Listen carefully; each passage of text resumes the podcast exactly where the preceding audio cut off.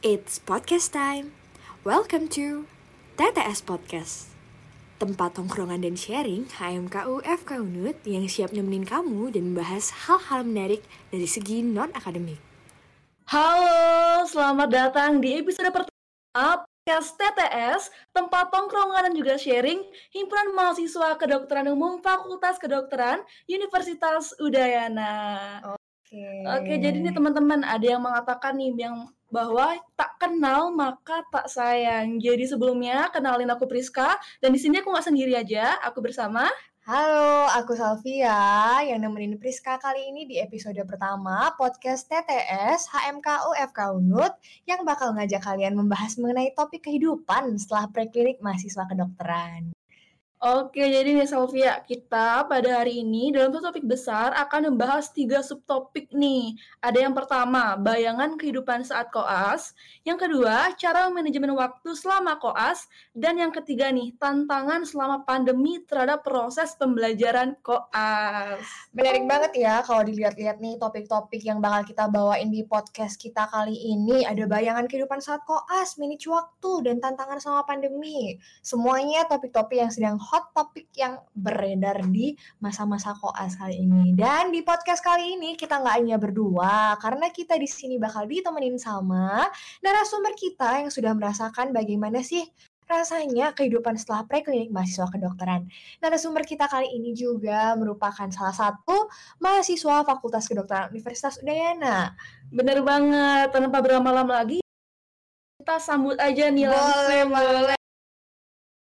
Pris. Halo, Kak Bandoro. Halo, halo. Halo. Dik. Halo Kak Bandoro. Gimana nih Kak kabarnya kali ini?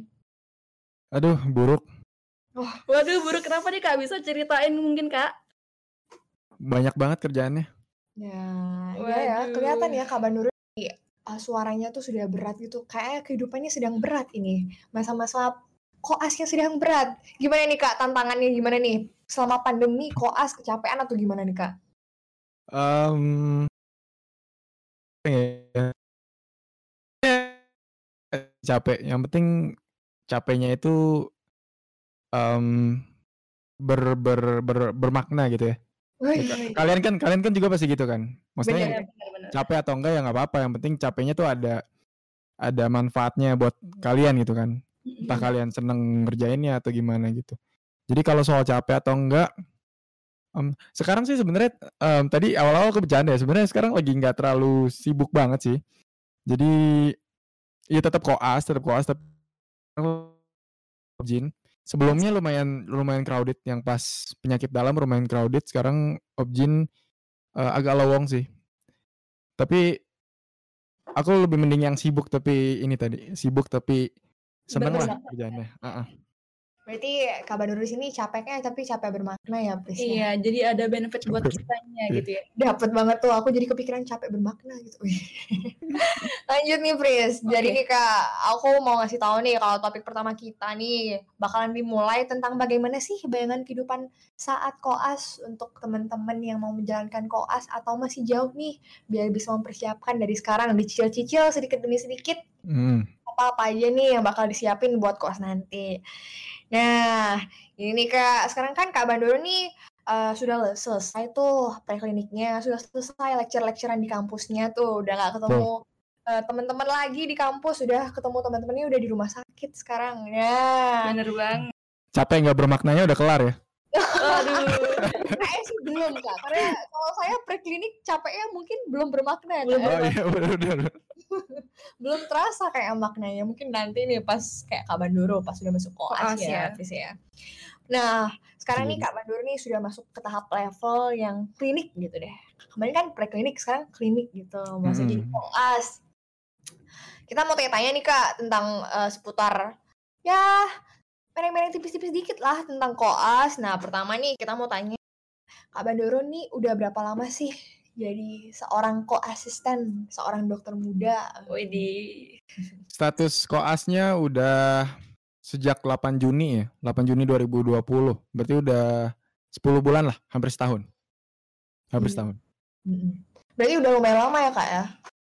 Em ya, lumayan lumayan 10 ta eh, 10 tahun lagi, 10 bulan. Iya, hampir Oh. udah udah hampir setahun berarti 44 minggu ya kalau nggak salah Berarti harus selesainya selama kurang lebih dua tahun ya kak untuk selesai. iya koas itu 85 minggu jadi Oh. setahun setengah lebih lah Berarti setahun sudah setengah lebih jalan separuhnya kak ya, lagi separuh perjalanan berarti kak. Mm-mm, lagi separuh udah separuh lumayan lah Lumayan kak. Oke kak, jadi kan tadi masih bicara koas nih kak. Gimana sih kak rasanya waktu pertama kali kakak masuk ke dunia klinik atau dunia koas nih kak? Terus mungkin Hmm. bisa sharing nih sama teman-teman semua. Gimana sih kegiatan-kegiatannya, terus jadwal-jadwalnya, sama sistem pembelajarannya kan pasti beda nih antara di masa preklinik sama di klinik kan ya, yang di Hmm. kampus sama di rumah sakit itu kak. Gimana tuh Iya. kak? sebenarnya angkatan aku agak kurang beruntung sih Hmm. jadi karena kita pas banget nih koas kita tuh di masa pandemi. Jadi harusnya tuh kita mulai koas bulan sekitar bulan Maret atau April kayaknya. Karena kita yud- yudisium kita wisuda itu dekat-dekat sebelum itu.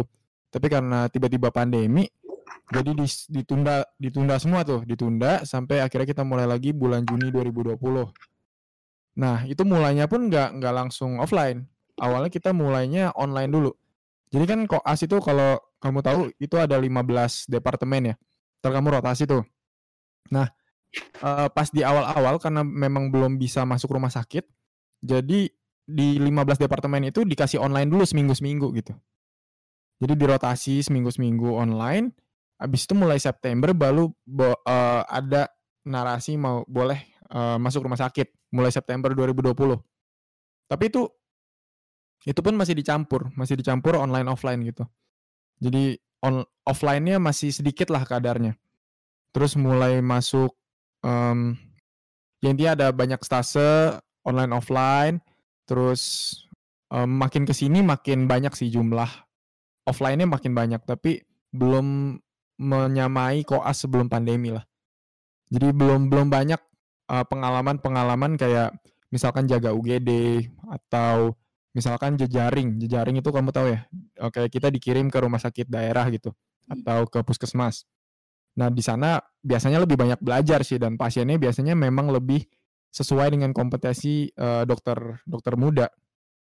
Karena di sanglah itu biasanya yang udah advance advance pasiennya. Udah fasenya udah udah tinggi tinggi lah udah susah lah udah komplikasinya udah banyak gitu. Iya benar.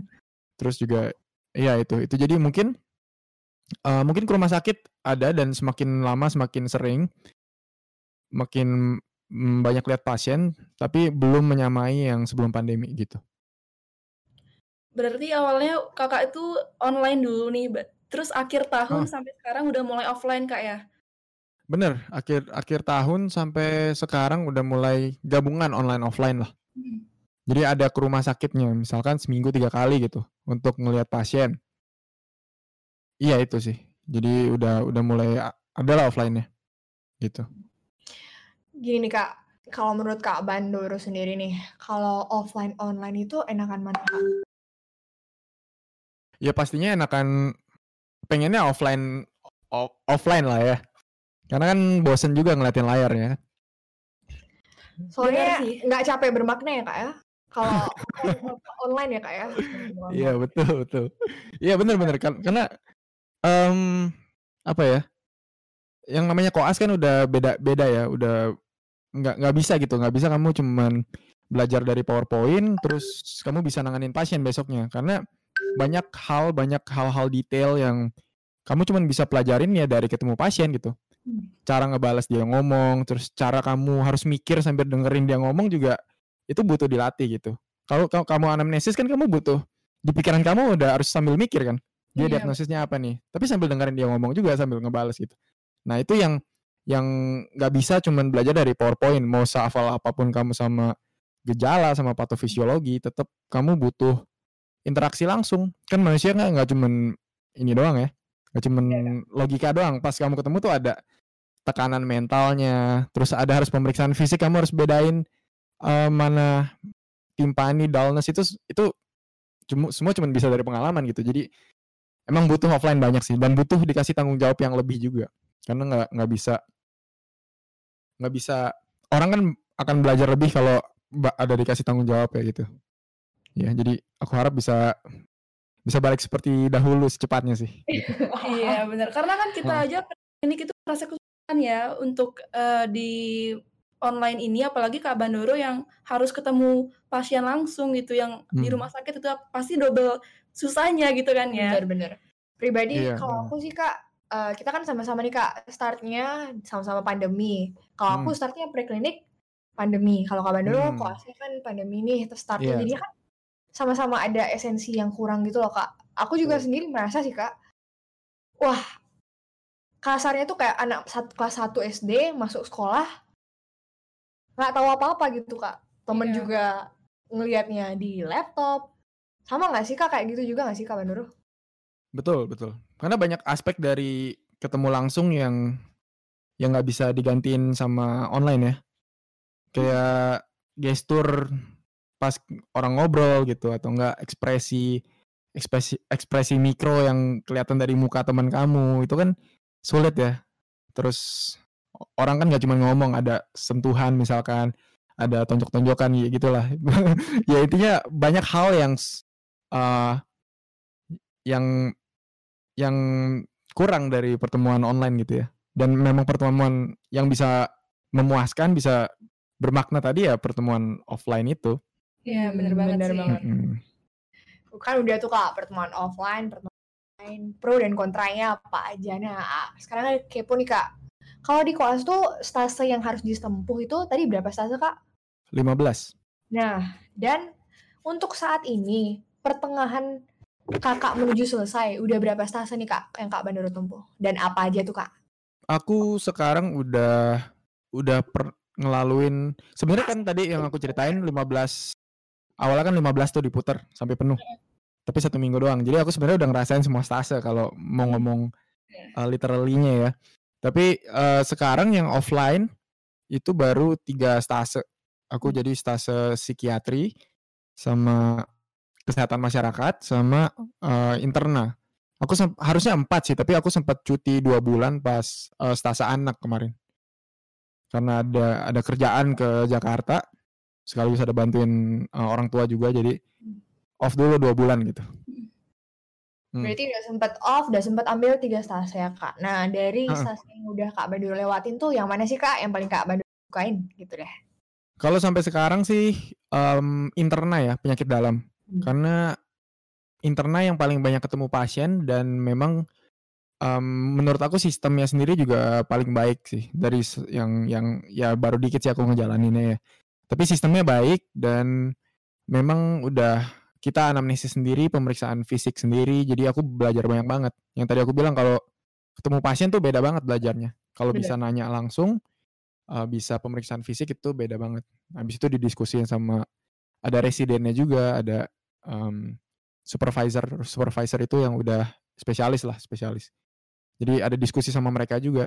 Itu paling berfaedah sih. Sama aku suka juga kebetulan sama penyakit dalam gitu. Wah, apa jangan-jangan kak Bandoro nih nanti ya mau lanjut ke penyakit dalam nih kak ya Bisa jadi ya. Tadi aku mau psikiatri sih awalnya. Mhm. Tapi karena psikiatri lebih banyak kan online ya daripada offline. Jadi nggak nggak ngerasa belum inilah belum tergugah lah. Ya, belum jadi tentu, ya Kak. eh, eh. jadi mungkin penyakit dalam nih ada faktor ininya juga faktor X. faktor X gitu. ya. Hmm. Iya Karena karena sering masuk beda, tadi. Kak, Mm. Iya beda feelnya mungkin ya. karena ketemu langsung pasien kak ya Iya benar. ya Iya. Nah, Iya sama, sama keren sih penyakit dalam tuh luas soalnya. Jadi nggak bosan kamu. ya benar-benar kak. Bukan cuman satu ulah-ulah situ aja gitu kak ya. Makin banyak kasusnya makin keren gitu, nggak sih kak Bandoro? Iya. Iya tapi tergantung sih kan beda-beda ya kesukaannya. Ada yang Hmm. suka tindakan misalkan jadi dokter bedah gitu. Ada yang suka mikir nih. Suka Mhm. mikir, suka jadi detektif gitu ini penyakitnya apa gitu. Nah aku yang kedua gitu. Tapi temen Oh. aku ada yang pertama gitu. Mm. Tergantung ke pribadi masing-masing lagi sih kak ya. Iya, jadi eh, dokter pun luas sebenarnya. Nah, jadi kalian masa-masa preklinik nih pertama cari tahu dulu pelajarannya paling suka apa, ntar di koas cari tahu oh sukanya ngapain gitu. Hmm. Mm. Iya. Berarti Hmm. saya ambil kesimpulan nih untuk preklinik, cari tahu pelajaran yang disukain apa. Nanti pas koas, cari tahu suka ngapain gitu nggak sih kak? Bisa jadi, ya bisa jadi seperti itu sih.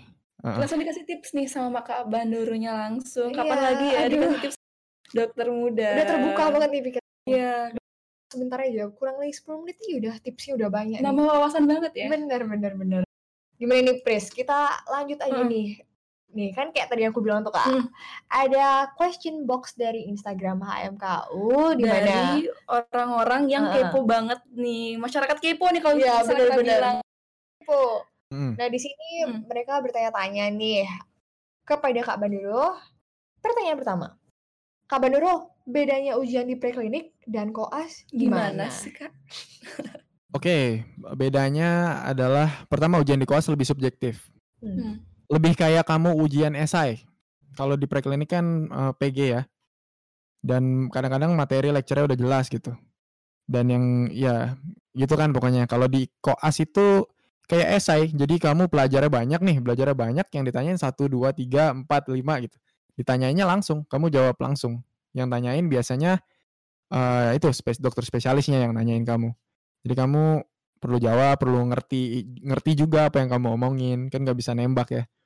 Jadi ya itu bedanya dan dan materinya lebih nggak nggak se nggak seruntut eh, preklinik. Preklinik kan lecture-nya jelas, ada 20 lecture pelajarin aja 20-nya gitu. Iya, bener. Kalau kalau koas itu lebih multilateral sih, lebih oh kamu belajar bagian ini ini ini ini ini, gitu.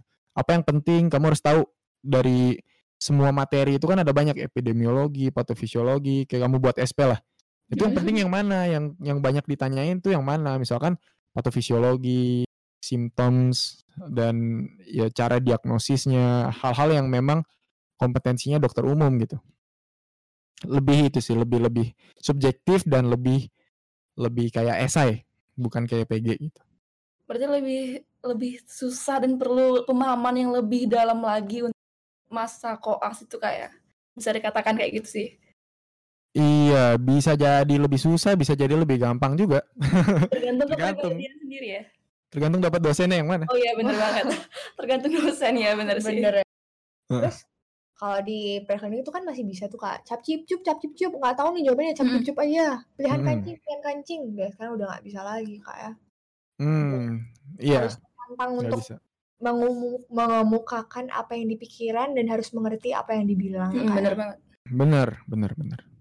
Bener Nah banget. terus nih kak, ada yang nanya juga nih kak dari masyarakat kepo FK Udayana nih kak. Nah koas di FK Unut itu sering dikirim keluar Denpasar ya kak. Terus berapa lama sih biasanya di luar Denpasar dan bagaimana untuk penginapan dan biaya hidupnya nih? Waduh kita bicara tentang cuan-cuan Biaya, nih ya. cuan, Iya, cuan. cuan nih. Gimana nih kak? hot. Ah, se- sebelumnya itu ada sebelum pandemi ini memang koas biasanya dikirim ke tadi yang saya bilang jejaring itu ya. Iya. Yang aku bilang jejaring, jejaring itu kamu nanti dikirim ke rumah sakit daerah atau dikirim ke puskesmas juga bisa. Dan nanti kamu di sana magang jadi dokter muda juga. Dan itu daerahnya macam-macam ya, bisa di Singaraja, tergantung afiliasinya sama siapa gitu. Misalkan kalau eh, psikiatri gitu, kejiwaan itu di Bangli biasanya kan, RSJ Bangli. Tergantung lagi nanti rumah sakit daerah mana yang berafiliasi sama departemen kamu gitu. Ya jadi gitu sih biasanya ya kalau aku dengar-dengar sih biasanya mereka cari tempat tinggal lah ada lah misalkan kontrakan atau kosan yang berapa lama gitu atau enggak eh, di rumah temen. Temen kan biasanya ada rumah Kampungnya gitu yang ya. asli Bali ada yang punya rumah di kampung gitu. Gitu dan dan biasanya yang serunya di sananya itu biasanya. Bisa nomaden ya, bisa pindah-pindah, terus bisa sambil kebersamaannya tuh lebih iya. nyatu gitu kak ya? Bisa jadi bisa jadi juga em, di sana kan lebih perifer ya. Jadi lebih eh, kompetensi kita lebih dibutuhkan lah Maksud, eh, dan kita lebih banyak juga dapat tindakan atau dapat tanggung jawab gitu. di Sanglah di Sanglah kan udah banyak lebih banyak inilah tenaga medis yang udah advance gitu Iya benar. ya jadi ya gitulah Oke, paham-paham Kak, terjawab tuh Kak. Nah Kak, nih ada pertanyaan seru nih Kak. Hmm. Kak Bandoro tuh ada ekspektasi apa sih sebelum koas dan realitanya tuh gimana sih Kak? ekspektasinya ekspektasi aku sih eh, biar bisa sama kayak sebelum pandemi ya. Maksudnya setidaknya dapat banyak pasien atau dapat banyak tindakan sama kayak residen lah. Sekarang kan di yang kerja di Sangla itu residen gitu. Jadi mereka banyak tindakan, banyak ngerawat pasien gitu.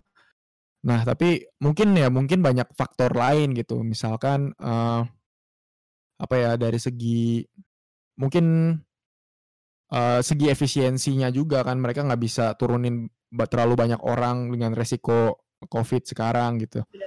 Ya mungkin ya banyak lah banyak faktor yang mungkin menghambat hal itu buat terjadi gitu. Jadi ya ya udah sekarang realitanya ya belajar menerima kondisi aja sih kalau aku. Uh. Kayak udah faktor nasib ya kak ya kalau misalnya bisa mm. ini kita nggak bisa bilang apa lagi kak udah kondisi pandemi mm. semuanya udah setahun ya kita benar-benar sampai saat ini juga kita nggak tahu ya kak kapan berakhirnya kapan kembali jadi normal lagi prediksi mm. ya kan kak iya benar oke lanjut Pris Oke nih kak, pertanyaan terakhir nih kak dari masyarakat kepo nih. Hmm. Dan ini sangat menarik juga sih, dan sering ditanyakan nih sama orang. Apakah rajin belajar saat preklinik memiliki manfaat yang signifikan nih saat koas? Dan nanti apakah di koas itu mulai belajar dari nol lagi nih kak? Gitu katanya nih kak pertanyaannya. Hmm, iya benar-benar. Um, tergantung ya, tergantung. Oh, iya. Pertama tergantung kamu masih ingat apa enggak sih. Mm-hmm. Kalau aku ya, aku nyaranin um, mungkin di preklinik kamu kuatin di konsep-konsep dasarnya sih. Uh, lebih banyak ngerti ini daripada ngafalnya. Karena hafalan tuh cenderung lupa kan ya. Bener. Paling seminggu dua minggu lupa. Tapi kalau kamu ngerti konsepnya, jadi gini pas di preklinik itu, um, gini pas koas, pas koas pun kamu butuh teori kan. Kamu butuh ngerti teori. Kalau nggak kamu nggak bisa ngaplikasiinnya juga gitu. Meskipun nanti di lapangan beda gitu, tapi tetap kamu butuh fundamental ya, fundamental mikirnya.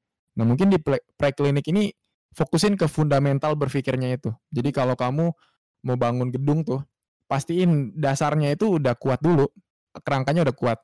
Jadi kalau contoh konkretnya sih misalkan uh, fisiologinya di di ngertiin dulu, terus patofisiologi.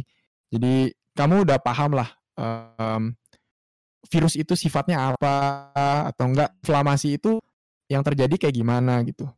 Nah, kalau kamu udah paham kerangka dasarnya, nanti sebenarnya penyakit yang terjadi itu yang nggak jauh-jauh dari sana gitu. Cuman ininya aja, variasinya aja, variasi dari kerangka dasar yang kamu punya gitu. Jadi ketika nanti koas, kamu nemu penyakit baru yang kamu lupa uh, spesifikasinya, ketika kamu udah punya konsep fundamental bawahnya itu udah kuat, ya pasti lebih cepat. Jadi nanti lebih cepat belajarnya gitu. Intinya gitu lah. Kalau kamu udah punya basis kuatnya. Tapi kalau kamu ngafal-ngafal doang ya kemungkinan besar hilang sih. Kalau hafalan doang. Benar-benar kak, aku juga pengalaman kemarin nggak sih Pris pas kita UTBK itu iya. uh, belajarnya kan kurang tuh kak dari uh, kelas SMA kelas 1 kelas sampai kelas 3. Uh. Uh. Jadinya kalau misalnya nggak paham, yang ngulang lagi. Yang ngulang lagi. jadi kita kalau di mahasiswa kedokteran nih, jadi harus dikuatin dulu buat di prekliniknya, dasarnya, dasarnya hmm. dan nggak ada ilmunya. Ya, pasti semua ilmu yang kita pelajari itu akan kepake baik di koas, baik di preklinik uh, juga, uh, preklinik juga pasti bakal kayak gitu kan kayak.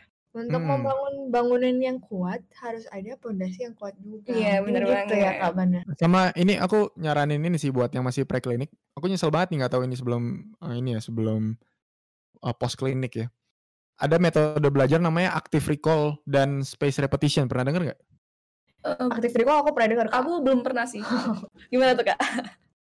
Active recall tuh intinya kamu kalau belajar jangan ya kamu baca nih, habis baca kamu ulang kamu buat pertanyaan, kamu kerjaannya pas belajar itu menjawab pertanyaan itu. Jadi nggak cuma dibaca doang. Karena kalau baca kan kita pasif, ya kan? Hmm. Tapi active recall tuh kamu kayak ngulang-ngulang sendiri gitu. Ngulang. Jadi misalkan um, gimana patofisiologi demam denggi gitu. Ya udah nggak usah lihat, lihat pertanyaannya aja. Terus kamu jawab sendiri gitu. Nah kamu cocokin sama jawaban yang udah kamu buat. Itu inti active recall. Itu bakal jauh lebih ingat karena otak kita sifatnya aktif. Makanya gosip kamu ingat karena kamu ngomongin ke teman-teman kan, ya kan? Benar benar. Nah Uh, terus space repetition itu kamu ulangin active recall-nya. Jadi misalkan hari ini kamu belajar, terus empat hari lagi kamu ulang atau besoknya kamu ulang, terus kasih spasi lagi seminggu kemudian spasi lagi sebulan kemudian kamu ulang. Itu biasanya nempelnya jangka panjang tuh, karena short term memory kita biasanya gampang lupa. Nah kalau kamu udah tahu itu dari preklinik, pilih aja pertanyaan yang emang mendasar-mendasar gitu. Kamu jadiin active recall. Satu, dua, tiga, empat tahun udah banyak banget sih pengetahuan kamu. Anggap aja kamu bisa saat ya sehari satu pertanyaan gitu lah. Ba- Bayangin pengetahuan kamu akan jauh lebih banyak apa dari orang-orang yang yang nggak lakukan itu gitu. Itu Hmm. akan akan ngebantu banget. Oke, berarti udah dapat tips lagi ya. Eh, tips lagi nih dari Kak Bandur langsung nih buat Benar. teman-teman yang lagi Makanya itu fungsinya mendengarkan podcast ini, Priska. memberikan manfaat untuk bekal kita nanti gitu Benar, ya. benar banget. Jadinya nggak ada ruginya. Ah, nggak ada ruginya. Oke, karena tadi diskusi kita bareng Kak Bandoro udah Seru selesai, banget, ya. seru banget. juga. Kita udah sharing-sharing dari pengalamannya Kak Bandoro, terus dikasih tips-tipsnya juga nih dari Kak Bener. Bandoro. Dan sayang sekali waktu kita sudah habis untuk episode pertama. Tapi tenang aja, Ah, tenang aja gimana tuh?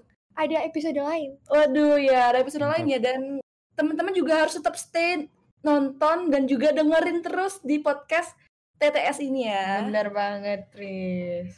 Oke, Dan, dan, jangan lupa Mhm. untuk follow terus podcast TTS di Spotify kesayangan kalian. Sampai bertemu di episode selanjutnya di podcast TTS HMK FK Unut. Sampai jumpa. sampai jumpa.